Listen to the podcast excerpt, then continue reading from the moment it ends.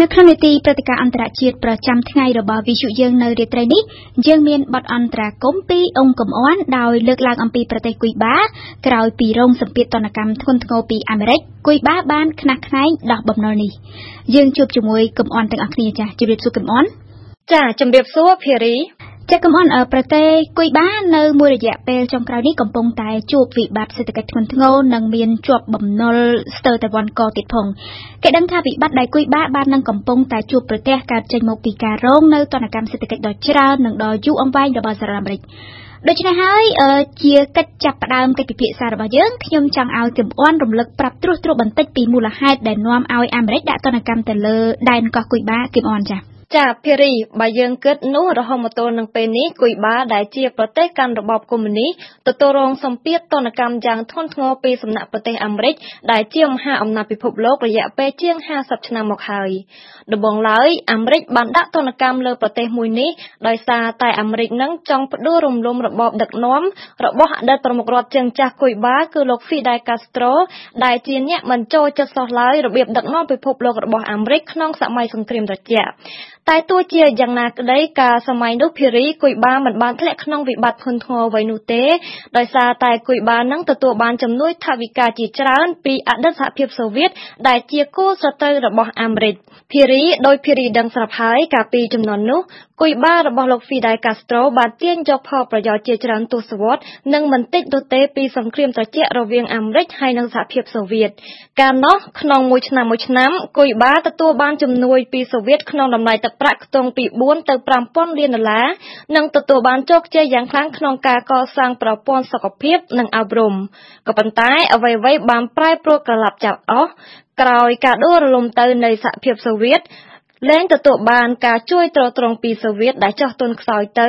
និងដោយសារតែរងទណ្ឌកម្មសេដ្ឋកិច្ចពីអាមេរិកផងនោះប្រទេសគុយបាក៏ចាប់ធ្លាក់ខ្លួនចូលក្នុងវិបត្តិច្រើនឡើងពីមួយថ្ងៃទៅមួយថ្ងៃហើយរឿងដ៏គួរឲ្យកត់សម្គាល់មួយទៀតនោះភីរីគឺគឺថាប្រទេសគុយបា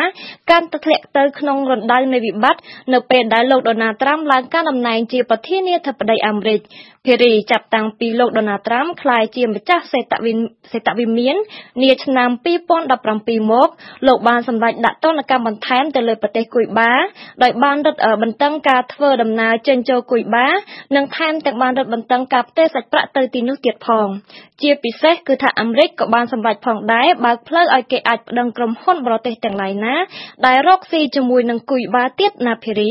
គឹមអនតើប្រទេសគុយបាជំពាក់បំណុលប្រទេសណាខ្លះហើយក្នុងតម្លៃទឹកប្រាក់ប៉ុន្មានដែរទៅ ភារីសពថ្ងៃនេះគុយបាជាប់ជំពាក់បំណុលបរទេសក្នុងចំនួនរាប់ពាន់លានដុល្លារសហរដ្ឋអាមេរិកហើយប្រទេសដែលជាម្ចាស់បំណុលរបស់គុយបានោះក៏មានច្រើនណាស់ដែរ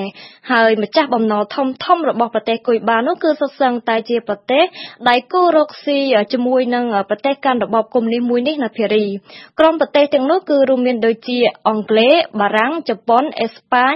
អូទ្រីសនិងប៊ែលហ្សិកលក្ខណៈបើយោងទៅតាមសម្ដីរបស់មន្ត្រីការទូតម្នាក់ដែលមានចុះផ្សាយដោយទីភ្នាក់ងារសារព័ត៌មានបារាំង AFP ភារីប្រទេសគុយបាបានខកខានមិនបានសងប្រាក់ចំនួនខ្ទង់ជា32ទៅ33លានអឺរ៉ូទៅកាន់ប្រទេសទាំងនោះក្នុងឆ្នាំ2019កន្លងទៅ មួយវិញទៀតបើយោងទៅតាមលិខិតមួយផ្ញើដោយឧបនាយករដ្ឋមន្ត្រីគុយបា